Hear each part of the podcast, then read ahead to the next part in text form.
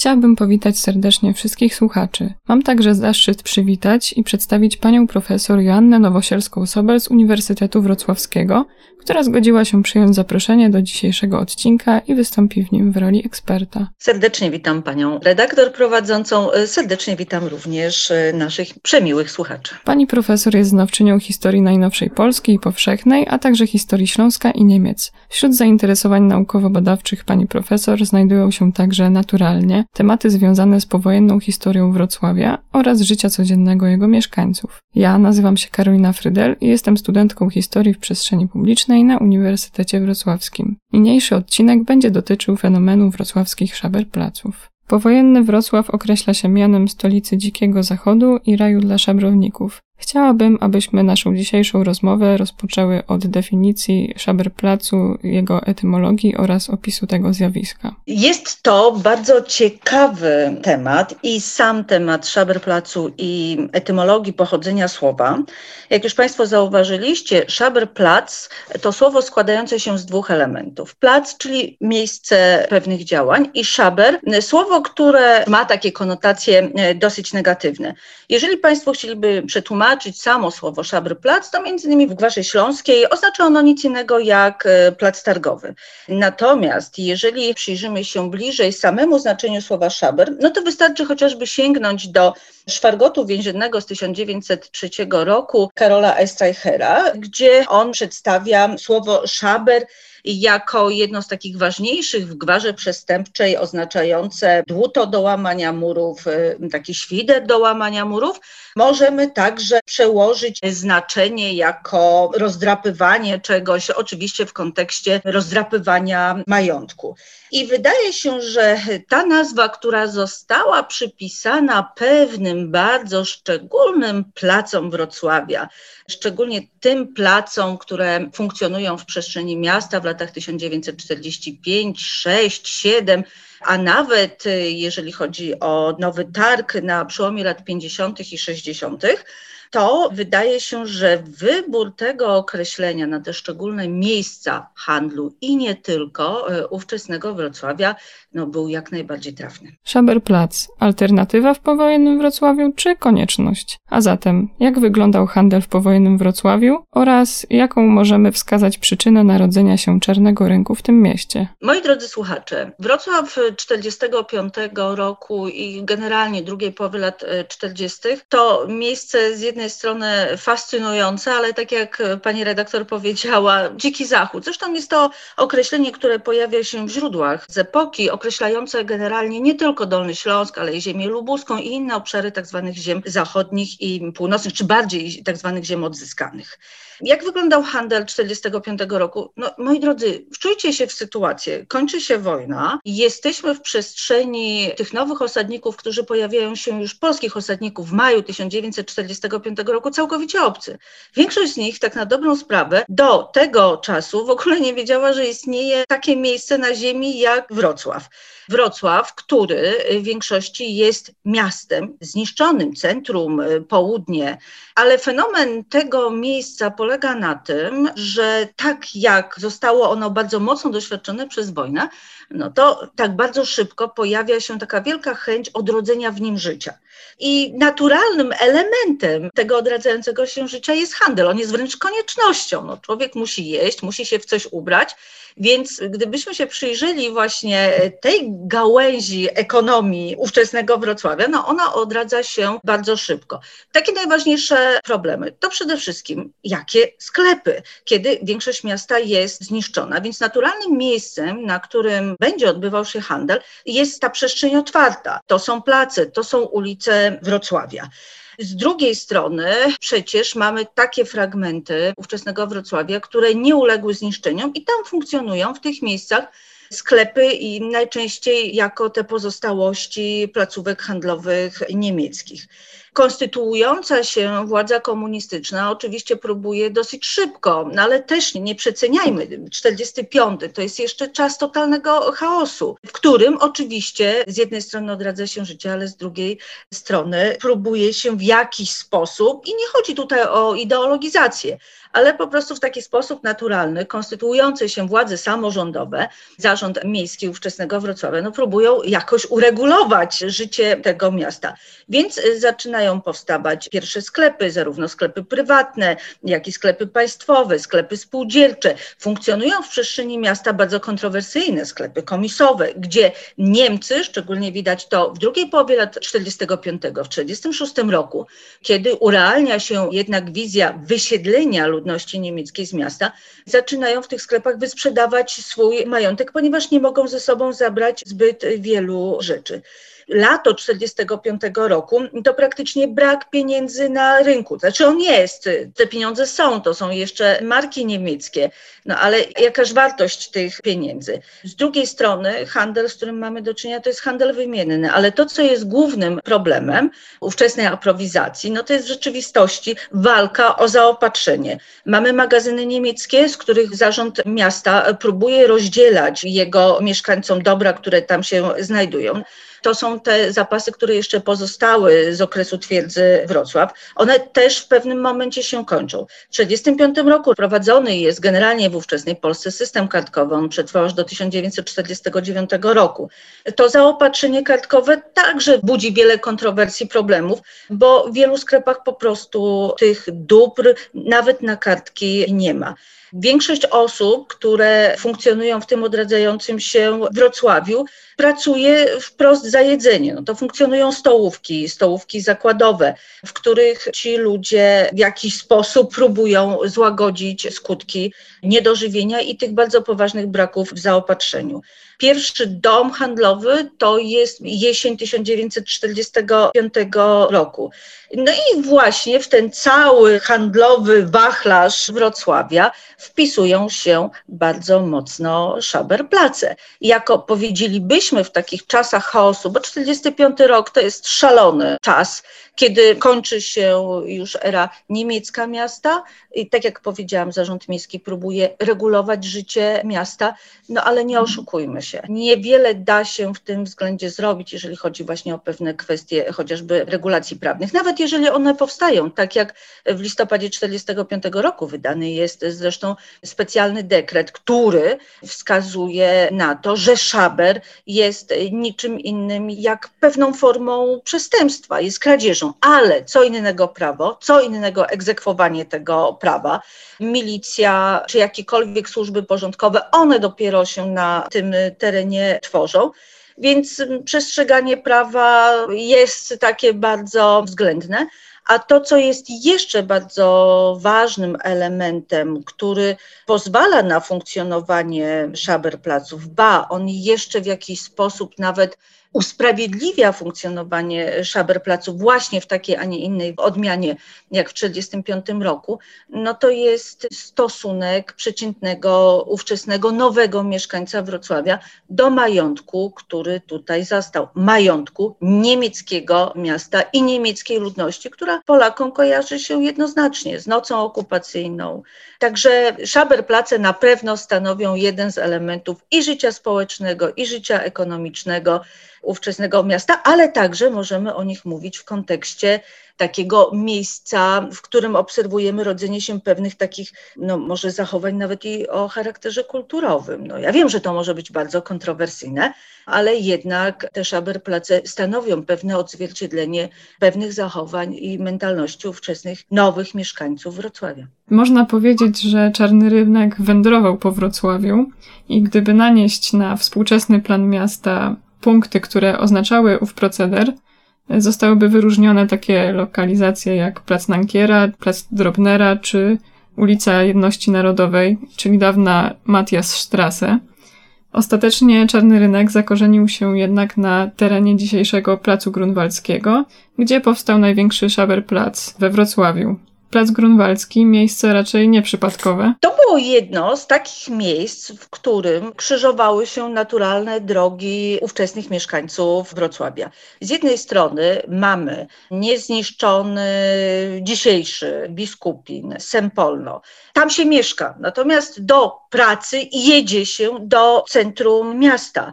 Stąd też Szaberplatz był takim naturalnym miejscem przechodzenia tych ludzi pomiędzy miejscem zamieszkania a pracy. Jak dzisiaj wracamy z pracy, to wpadamy także do sklepów, prawda?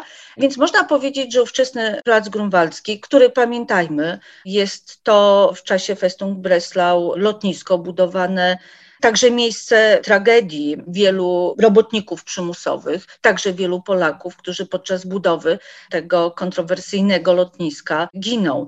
A bezpośrednio po wojnie tworzy się właśnie na tym wielkim, zniszczonym placu, tworzy się miejsce handlu i przestępstwa. Porozmawiajmy teraz o charakterze handlu na Szaberplacach. Jeden z pionierów, Janusz Nowak, stwierdzał, tu cytat, Handel ten jest niezbyt humanitarny, bo ci, co sprzedają, są w konieczności ze względu na głód i niedostatek, a kupujący dyktują im warunki, dając śmiesznie niskie ceny. Koniec cytatu. Opis ten z pewnością jest prawdziwy, ale zdaje się odzwierciedlać zaledwie fragment ówczesnej rzeczywistości. Jak można scharakteryzować zakupy oraz sprzedaż na Szaberplacu? Przede wszystkim głównymi aktorami tego miejsca są ludzie.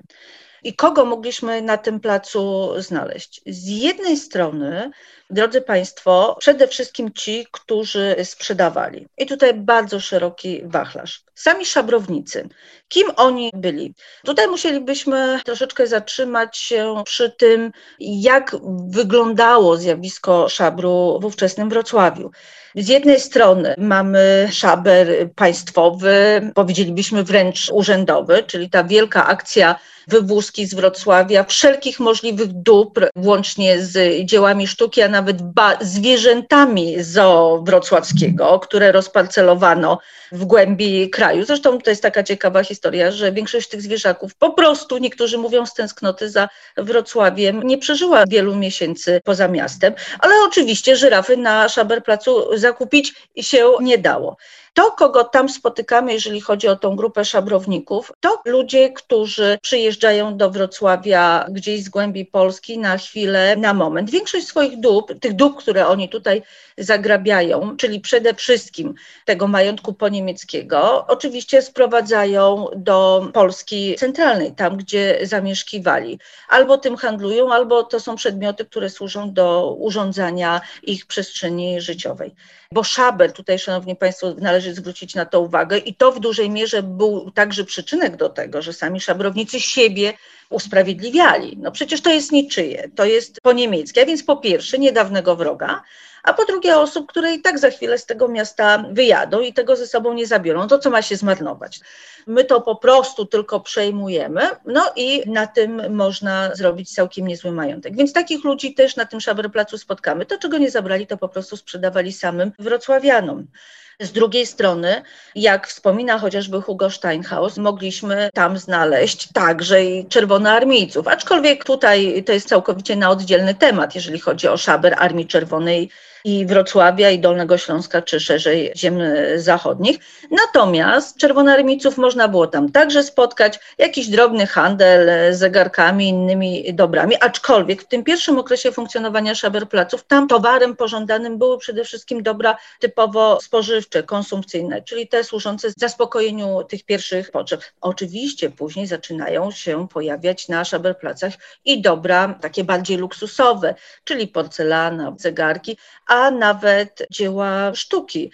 Można było tam spotkać także y, Niemców, którzy, znowu odwołując się do Hugo Steinhausa, sprzedają tamte dobra, których nie mogą wywieźć, albo właśnie w sklepach komisowych, albo właśnie na e, Szaber e, Placu. I spotkamy także w tym miejscu no, zwykłych handlowców, niejednokrotnie ludzi, którzy trudnili się handlem w tym okresie wojennym czy przedwojennym, no tylko, że tutaj tym jedynym towarem dla nich dostępnym były te dobra, które zastali na miejscu, czyli znowu właśnie te dobra poniemieckie. Kto był kupującym? No, szeroki wachlarz kupujących. Inni szabrownicy, którzy nie mieli na przykład takiej siły rażenia, jakich koledzy stojący po drugiej stronie przysłowiowej lady, no bo jak popatrzymy na fotografię Szaberplacu, które znajdują się między innymi w zasobach, w bogatych zasobach zakładu imienia Osolińskich naszej wrocławskiej placówce, to szanowni Państwo, widzimy po prostu jakieś stoły, stoliki. Zresztą to było miejsce, które tak na dobrą sprawę nie różniło się, na co wskazuje między innymi Janna Konopińska, autorka dzienników 45-46, od takiego handlu ulicznego, gdzie sprzedawano po prostu towar na wszystkim. I zresztą sami wrocławianie ubolewali, matko, no jak jeść chleb czy kiełbasę sprzedawane niemalże ziemi. No i tak ten plac, również jeżeli chodzi o Szaberplace, wyglądały.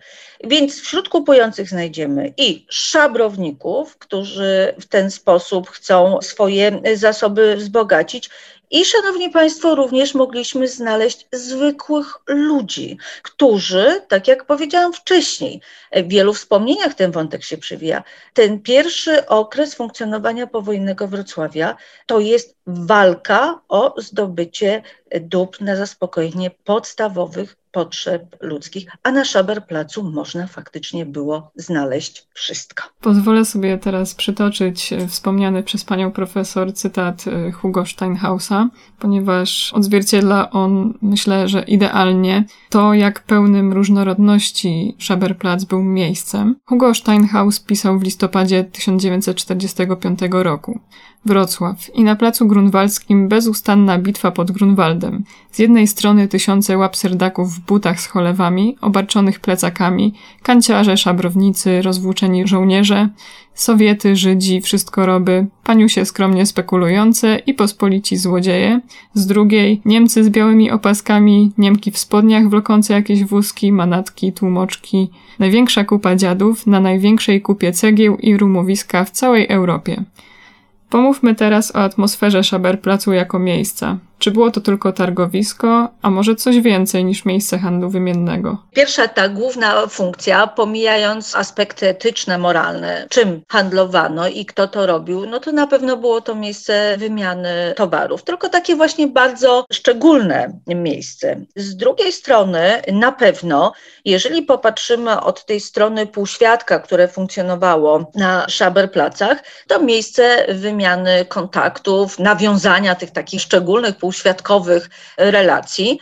Także miejsce wzajemnego poznania. Ja myślę, że i tak wiele takich szczególnych przyjaźni tam się nawiązywało, ale takich po prostu zwykłych relacji międzyludzkich, bo tak jak właśnie pisał Hugo Steinhaus, tam mogliśmy spotkać wszystkich. Ja znalazłam gdzieś takie określenie dotyczące Szaberplacu, gdzie z dzisiejszej perspektywy ktoś pozwolił sobie tak umoralniać odbiorcę swojego tekstu, że no, jak to możliwe, że taki przeciętny obywatel Wrocławia, który mienił się uczciwym człowiekiem, w ogóle na Szaberplac chodzi. A szanowni Państwo, a gdzie on miał poszukiwać tego, czego potrzebował?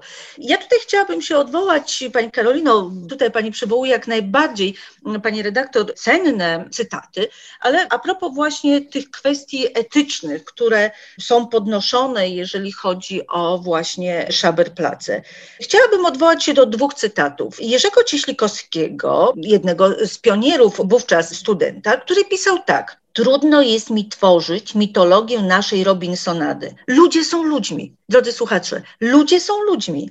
Postawcie kogoś po sześciu latach wyrzeczeń, opatrzonych mementem verboten, za którego przedłużeniem był obóz, kula, więzienie wobec niczyjego dobra, leżącego po prostu na ulicy. I drugi cytat, tym razem wojewody Stanisława Piaskowskiego, który pisał: Wielu z tych, co zwycięsko wyszli z ciężkiej próby walki i wytrwałości w okresie okupacji, tutaj, gdy zaistniała możliwość szybkiego i na pozór bezkarnego zdobycia tego, czego odmawiali sobie przez wiele lat, a nawet wzbogacania się, nie wytrzymało tej próby i załamało się moralnie.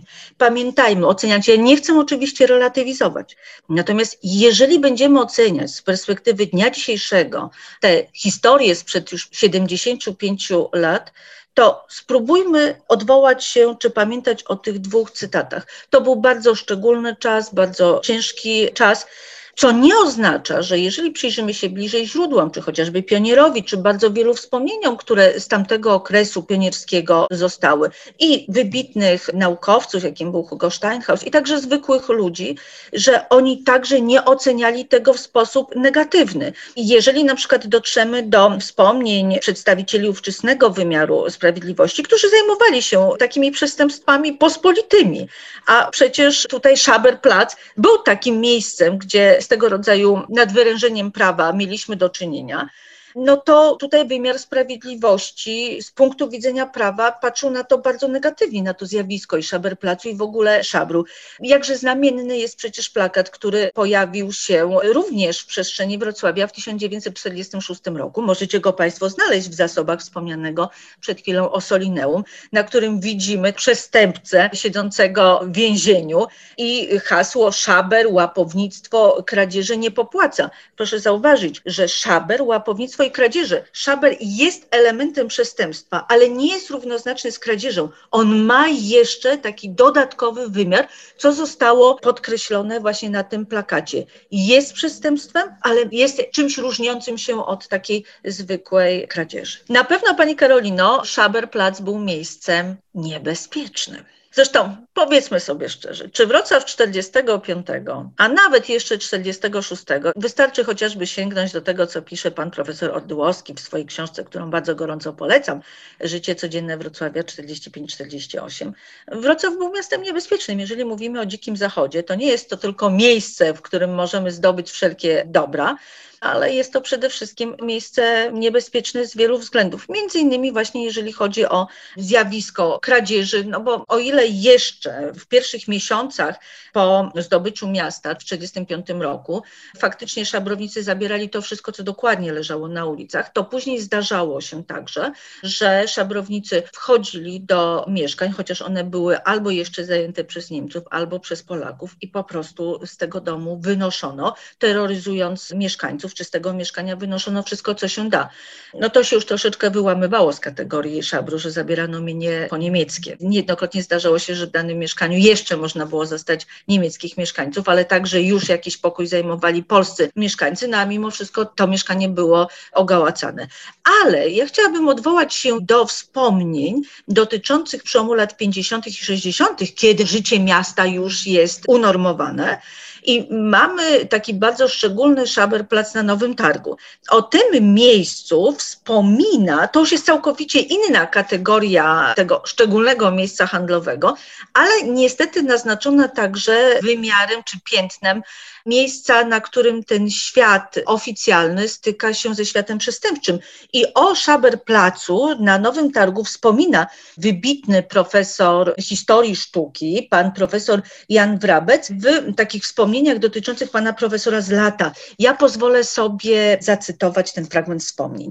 Na zapleczu ulicy Szewskiej na Nowym Targu funkcjonował w najlepsze główny Szaberplac, gdzie można było nabyć prawie wszystko. Do dzisiaj mam kupione tamże niemieckie mapy Śląska. Zdarzało się, że do sali wykładowej wdzierał się pijak podający się za oficera. Musieliśmy interweniować z Piotrusiem Łukaszewiczem, wołając do pomocy starego lwowskiego pedla, który dyżurował na parterze. Czasem w bramie można było znaleźć ukradziony komuś portfel, wypróżniony wprawdzie z pieniędzy, ale z dokumentami. Złodzieje przestrzegali jeszcze wtedy zasad etyki zawodowej. Szanowni Państwo, to są okolice Szaberplacu, który mieścił się na Nowym Targu. A co dopiero powiedzieć o placu Nankiera, czy o jedności narodowej, czy o placu grunwaldzkim drugiej połowy lat 40. Odnośnie kwestii, czy wyprawa na plac grunwaldzki wiązała się z jakimś ryzykiem i czy mogła być niebezpieczna, wiążą się także inne wspomnienia, w których możemy się dowiedzieć, że samo dotarcie, czy próba dotarcia na plac grunwaldzki mogła wiązać się z niebezpieczeństwem. W jednych wspomnieniach czytałam, że próbowano się dostać na Szaberplatz piechotą, lecz z ruin zaczęły wyłaniać się jakieś podejrzane postacie i ta osoba zrezygnowała z dotarcia pieszo, wróciła i pojechała autobusem, tak zwanym szabrobusem. Szabrobusem, tak. Ponieważ to tak. okazało się bezpieczniejszym rozwiązaniem. Także nie tylko sam pobyt na placu grunwalskim mógł się wiązać z pewnym ryzykiem, bo mogło tam dojść do jakiejś awantury, a także samo dotarcie tam. Powiedzmy sobie szczerze, i to nie dotyczyło tylko szabru, który miał miejsce we Wrocławiu, ale także poza Wrocławiem. Zdarzały się, e, co widać chociażby w ówczesnych aktach milicyjnych, sytuacje, gdzie przestępcy, widząc osobę, która idzie z wypchaną teczką, z jakimiś właśnie pakunkami, oni po prostu napadali ją bezpardonowo, dokonując niejednokrotnie zabójstwa, sądząc, że w tych pakunkach znajdują się jakieś bardziej cenne rzeczy. Ja już w tej chwili nie pamiętam, gdzie na Dolnym Śląsku wydarzyła się ta historia, ale między innymi taka sytuacja spotkała nauczyciela, który próbował kompletować dla swoich uczniów zeszyty.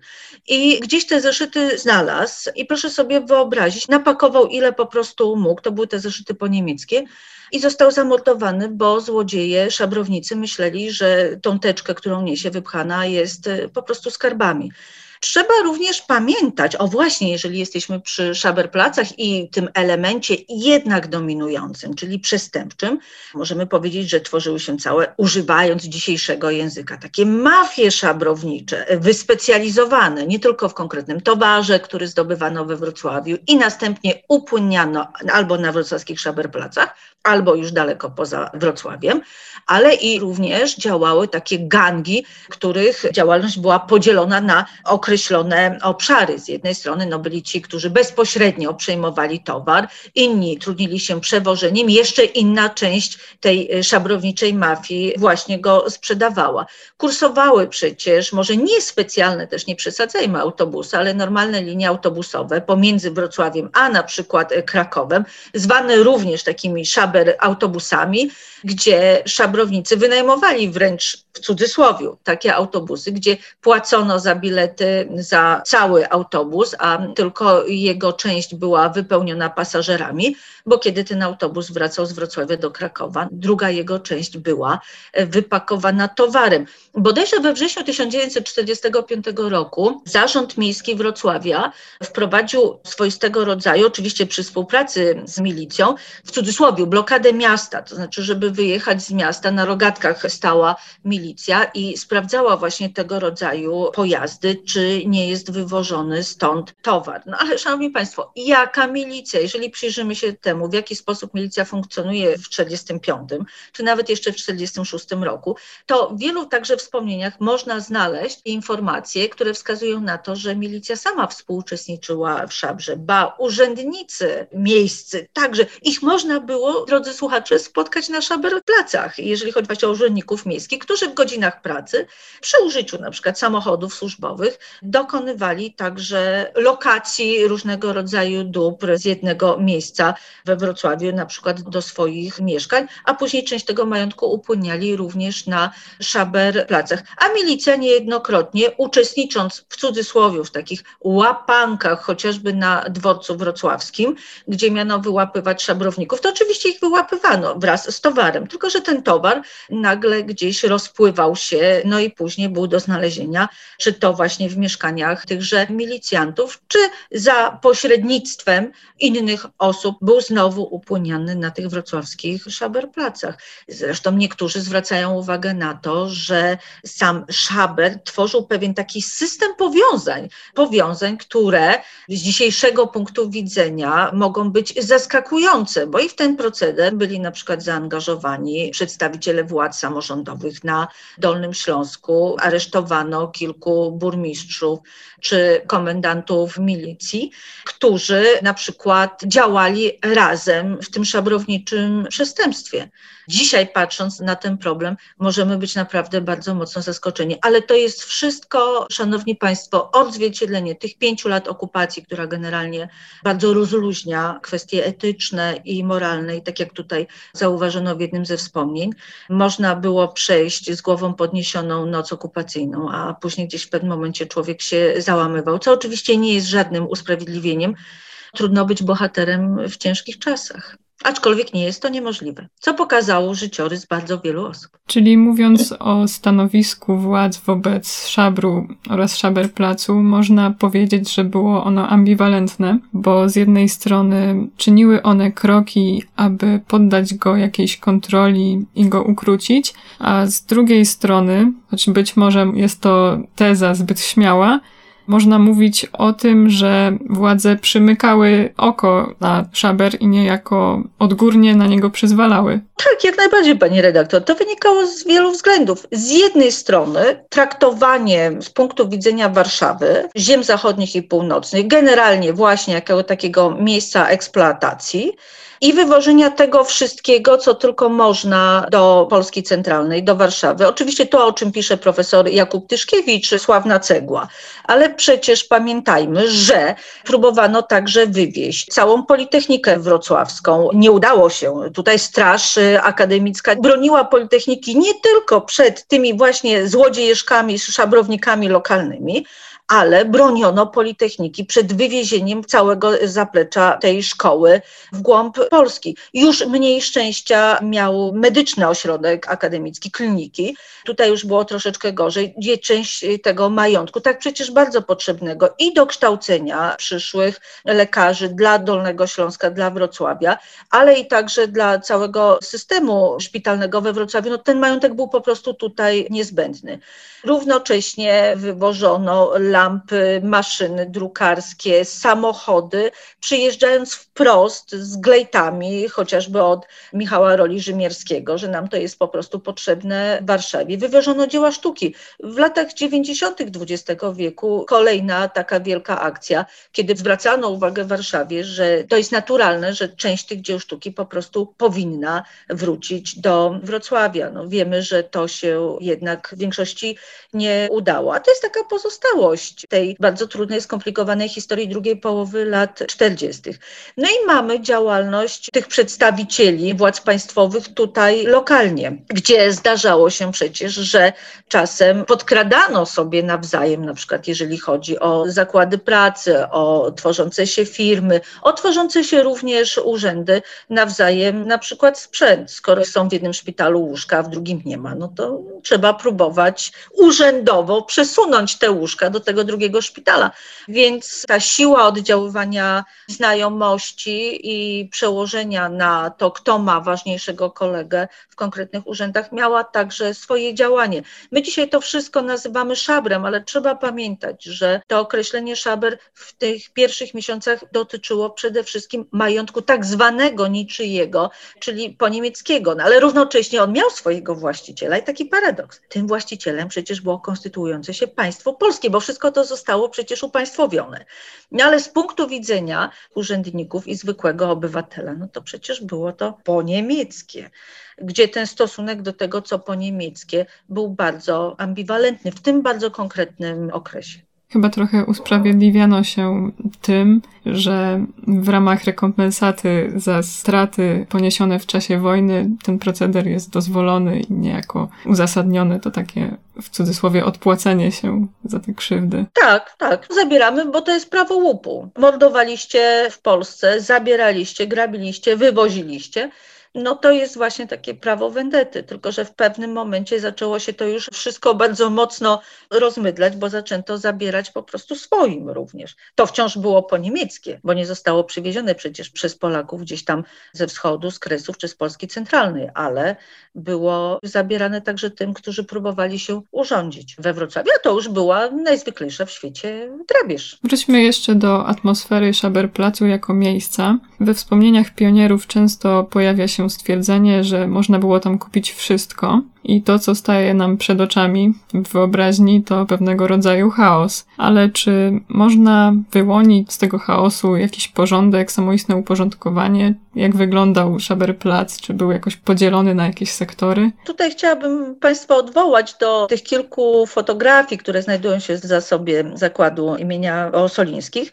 Patrząc na te zdjęcia, gdybyśmy nie wiedzieli, że to są szaberplace, zobaczylibyśmy zwykłe miejsce handlu.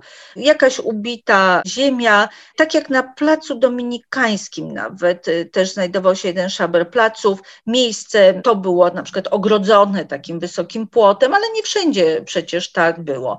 Można było tam znaleźć może niewytyczane alejki, aczkolwiek w niektórych wspomnieniach widać, że starano się dokonywać na placach pewnych takich specjalizacji towarowych, prawda? Tu można było znaleźć jakieś narzędzia, na przykład gospodarstwa domowego, w innym miejscu spożywcze.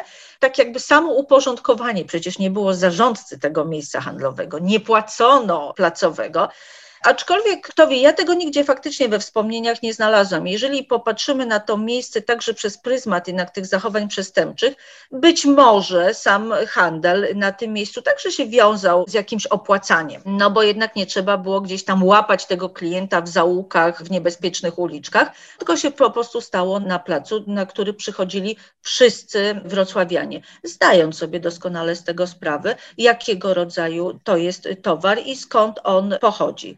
Na pewno jest to takie miejsce, jak każde miejsce handlowe w tamtym okresie, gdzie oprócz wymiany towarowej można było znaleźć także i usługi, że y, znajdowała się także mała gastronomia. Normalne miejsce życia handlowego, aczkolwiek na pewno też takie miejsce, gdzie można było zostać okradzionym przez chociażby kieszonkowców to takie małe przestrzenie, tak jak pani redaktor powiedziała, chaosu, ale takiego chaosu, który jest porządkowany przez bardzo szczególną sytuację i szczególne czasy, w których przyszło funkcjonować tym nowym wrocławianom w mieście 45-46 roku. Bodajże Plac Grunwaldzki jako Szaberplatz został zlikwidowany w 1947. To nie oznacza, że nie wyrastały takie miejsca handlu, już na pewno na mniejszą skalę w innych miejscach Wrocławia, czyli była naturalna potrzeba. Była podaż, ale co najważniejsze, był także popyt. Tak, czarny rynek we Wrocławiu nie został zlikwidowany wraz z Szaberplacem na Placu Grunwaldzkim. Co później wynikało z problemów zaopatrzeniowych i tego, że państwo już nie tylko w tym pierwszym momencie przejścia, czyli 45-46 roku, ale później mamy rok 49, tak na dobrą sprawę no nie potrafiło sobie poradzić z tymi bardzo poważnymi problemami aprowizacyjnymi. I w dobra spożywcze, ale i także w dobra przemysłu lekkiego, chociażby obuwie, ubrania. Szaberplac lub tak zwany Szaberplatz, już wspomniany przez panią profesor, znajdujący się na dzisiejszym placu Nowy Targ, funkcjonował zdaje się jeszcze do przełomu lat 50. i 60., a zatem kilkanaście lat po wojnie. Jeżeli chodzi o Nowy Targ, jeżeli mogę pani redaktor coś powiedzieć, to jest taka dziwna ciągłość miejsca, bo pamiętajmy, że w niemieckim Wrocławiu plac Nowy Targ także pełnił ważne miejsce handlowe. of it Tutaj odbywały się na przykład bardzo sławne, a dlaczego sławne? No chociażby odzwierciedlone na pocztówkach, widokówkach Wrocławia, odbywały się targi ceramiką, między innymi tą ceramiką, która przyjeżdżała z Bolesławca. Najlepsze garki glinane można było kupić tam na Placu Nowy Targ. Pamiętajmy także, że okres międzywojnia to jest przeniesienie się jarmarku bożonarodzeniowego na Nowy Targ. Pamiętajmy, że Nowy Targ jako takie miejsce handlu to było także miejsce spotkań wrocławian przedwojennych znajdowała się tam piękna fontanna z Neptunem, czyli Jurka z widłami, jak mówiono o, zresztą to jest historia na inną bardzo ciekawą opowieść. My się w tej chwili spotykamy pod pręgierzem, a wrocławianie spotykali się pod Jurkiem z widłami, czyli pod fontanną z Neptunem. I przychodzi 1945 rok i mamy jakąś ciągłość miejsca. Zmieniają się ludzie, za chwilę przecież odejdą niemieccy mieszkańcy Wrocławia, a to miejsce pełni swoją funkcję handlową, tylko już taką naznaczoną znakiem czasu, powiedzielibyśmy właśnie, że nie jest to miejsce takiej normalnej, ucywilizowanej wymiany handlowej, ale jednak Szaberplatz. Na sam koniec warto zastanowić się nad funkcjonowaniem Szaberplacu w świadomości współczesnych ludzi i w pamięci kulturowej dzisiejszych mieszkańców Wrocławia. Czy można pokusić się o stwierdzenie, że Szaberplatz funkcjonuje jako jeden z elementów spajających tożsamość dzisiejszych wrocławian? To jest bardzo kontrowersyjne pytanie, pani redaktor, bardzo prowokacyjne. Wydaje mi się, że nie, aczkolwiek wśród wrocławian ta nazwa Szaberplatz, szczególnie w tym starszym pokoleniu, ona na pewno funkcjonuje. Dla jednych będzie to, a bo moja mama wspominała, że jej mama na tym placu robiła zakupy, albo że w ogóle takie miejsca we Wrocławiu funkcjonowały. W ubiegłym roku obchodziliśmy 75. rocznicę Wrocławia polskiego, jeżeli chodzi o ten okres wieku XX, czyli zakończenie wojny i ten nowy polski okres w tym piastowskim mieście. Więc ta pamięć historyczna funkcjonuje. Natomiast dla mnie było zaskoczeniem, jak pani redaktor powiedziała, że jeden ze współczesnych placów handlowych otrzymał nazwę Szaberplacu. Nie wiem, jak to się stało, jaki mechanizm zadziałał, że to dla współczesnej pamięci miasta zostało przywołane, no ale może to też jest dla nas jakaś wskazówka, że są pewne takie elementy z tej historii sprzed 70 lat, które jednak funkcjonują głębiej niż nam się to może wydawać. Co ciekawe, to możemy we współczesnym języku spotkać właśnie słowo Szaberplatz funkcjonujące w odniesieniu do miejsc już pozbawionych tej specyfiki czarnego handlu tak, tak powojennego. Tak, tak. Jest to normalne miejsce ucywilizowanego handlu. Na przykład y, znalazłam takie określenie w stosunku do targu na młynie wrocławskim już współczesnym. Że jest Szaberplacem. Może to znaczenie gwarowe, że w ogóle targ, ale to miejsce funkcjonowało jako Flohmarkt na tą modłę niemiecką. Natomiast tutaj było dla mnie dużym zaskoczeniem, że właśnie to funkcjonuje także jako Szaberplatz. W pamięci funkcjonuje na pewno jako słowo używane w języku mhm. potocznym lecz także warto dodać, iż współcześnie powstają teksty kultury, które nawiązują do Szaberplacu. W 2017 roku na deskach Wrocławskiego Teatru Współczesnego miał miejsce spektakl autorstwa Szymona Bogacza pod tytułem Szaberplac – Moja miłość. Reżyserką była Tania Miletic-Oruczewicz. Jednym z bohaterów opowieści grupy wojennych uchodźców, którzy występują w tym spektaklu, był tak zwany instynkt szabru, który przyjmował różne oblicze. Była to konieczność, sposób na życie, lecz także żądza posiadania oraz narzędzie upokorzenia. Ja czytałam wywiad z panią reżyser i trafnie określiła, czym jest wobec niej Szaberplatz.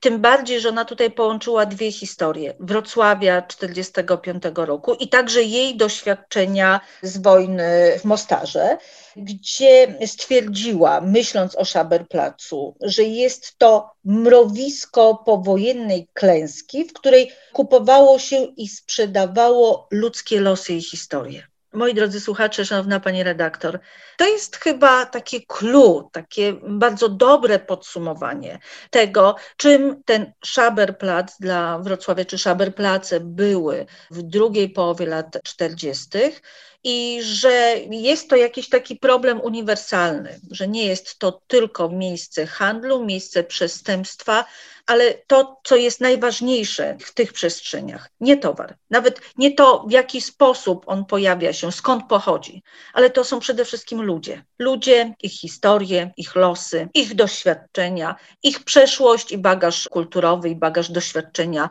wojennego, a więc czasu bardzo szczególnego, który wyłamuje się norm, które są przypisane naszej codzienności. To jest czas ekstremalny i on w sposób ekstremalny także wywołuje emocje, zmienia naszą mentalność, pokazuje nas jako człowieka od całkowicie innej strony, może niejednokrotnie dla nas samych, także w sposób bardzo zaskakujący. Więc brawo dla twórców tego spektaklu, bo jest to spojrzenie bardzo głębokie, bardzo takie uniwersalne. Uważam, że w tym przypadku udało się w pełni ten problem w sposób niesamowicie interesujący pokazać. Z Szaberplacem związana jest również akcja innego wrocławskiego przedstawienia teatralnego, o którym myślę również warto wspomnieć.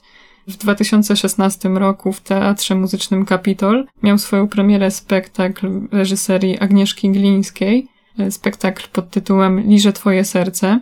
Bohaterowie przemierzają w nim powojenny Wrocław, docierają między innymi na plac Grunwaldzki. Tam przez moment dzieje się akcja i aktorzy wykonują też utwór muzyczny, piosenkę pod tytułem Na Szaberplacu i w jej refrenie możemy usłyszeć następujące słowa, bo na Szaberplacu wszystko można kupić, od świeżutkich warzyw aż po origami, tutaj bez pieniędzy możesz się obłupić, taki to wrocławski handel towarami. O, jak tutaj pani redaktor przywołuje już współczesne interpretacje Szaberplacu, to trzeba pamiętać, że i w 45 i w 46 między innymi na łamach Pioniera pojawiały się czy to fraszki, czy właśnie właśnie takie zabawne wiersze, które pokazywały tą specyfikę Szaber Placu. Między innymi fraszka napisana przez Wiesława. Najnowszy przebój sezonu, co komu do tego, co kogo obchodzi, że szaber wozimy z Wrocławia do Łodzi, dudni woda dudni, w szabrowanej studni, przyjechać tu łatwo, wyjechać stąd trudniej. Czy także ten sam Wiesław pisał, nowy związek powstał, nowy związek zawodowy, członków ma bez liku, związek szabrowników.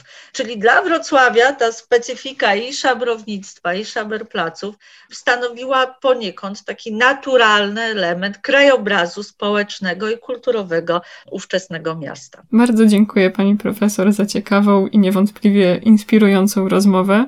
Mam nadzieję, że była ona taka również dla naszych słuchaczy, którym dziękuję za wysłuchanie niniejszego odcinka oraz zachęcam do zapoznania się z innymi rozmowami powstałymi w ramach podcastu Historia do usłyszenia. Pani redaktor, ja również dziękuję bardzo za zaproszenie. Czas spędzony z Panią był dla mnie niesamowitą przyjemnością i mam nadzieję także, że nie zanudziłam naszych drogich słuchaczy, których bardzo, bardzo serdecznie pozdrawiam. Dziękuję za zaproszenie. Dziękuję.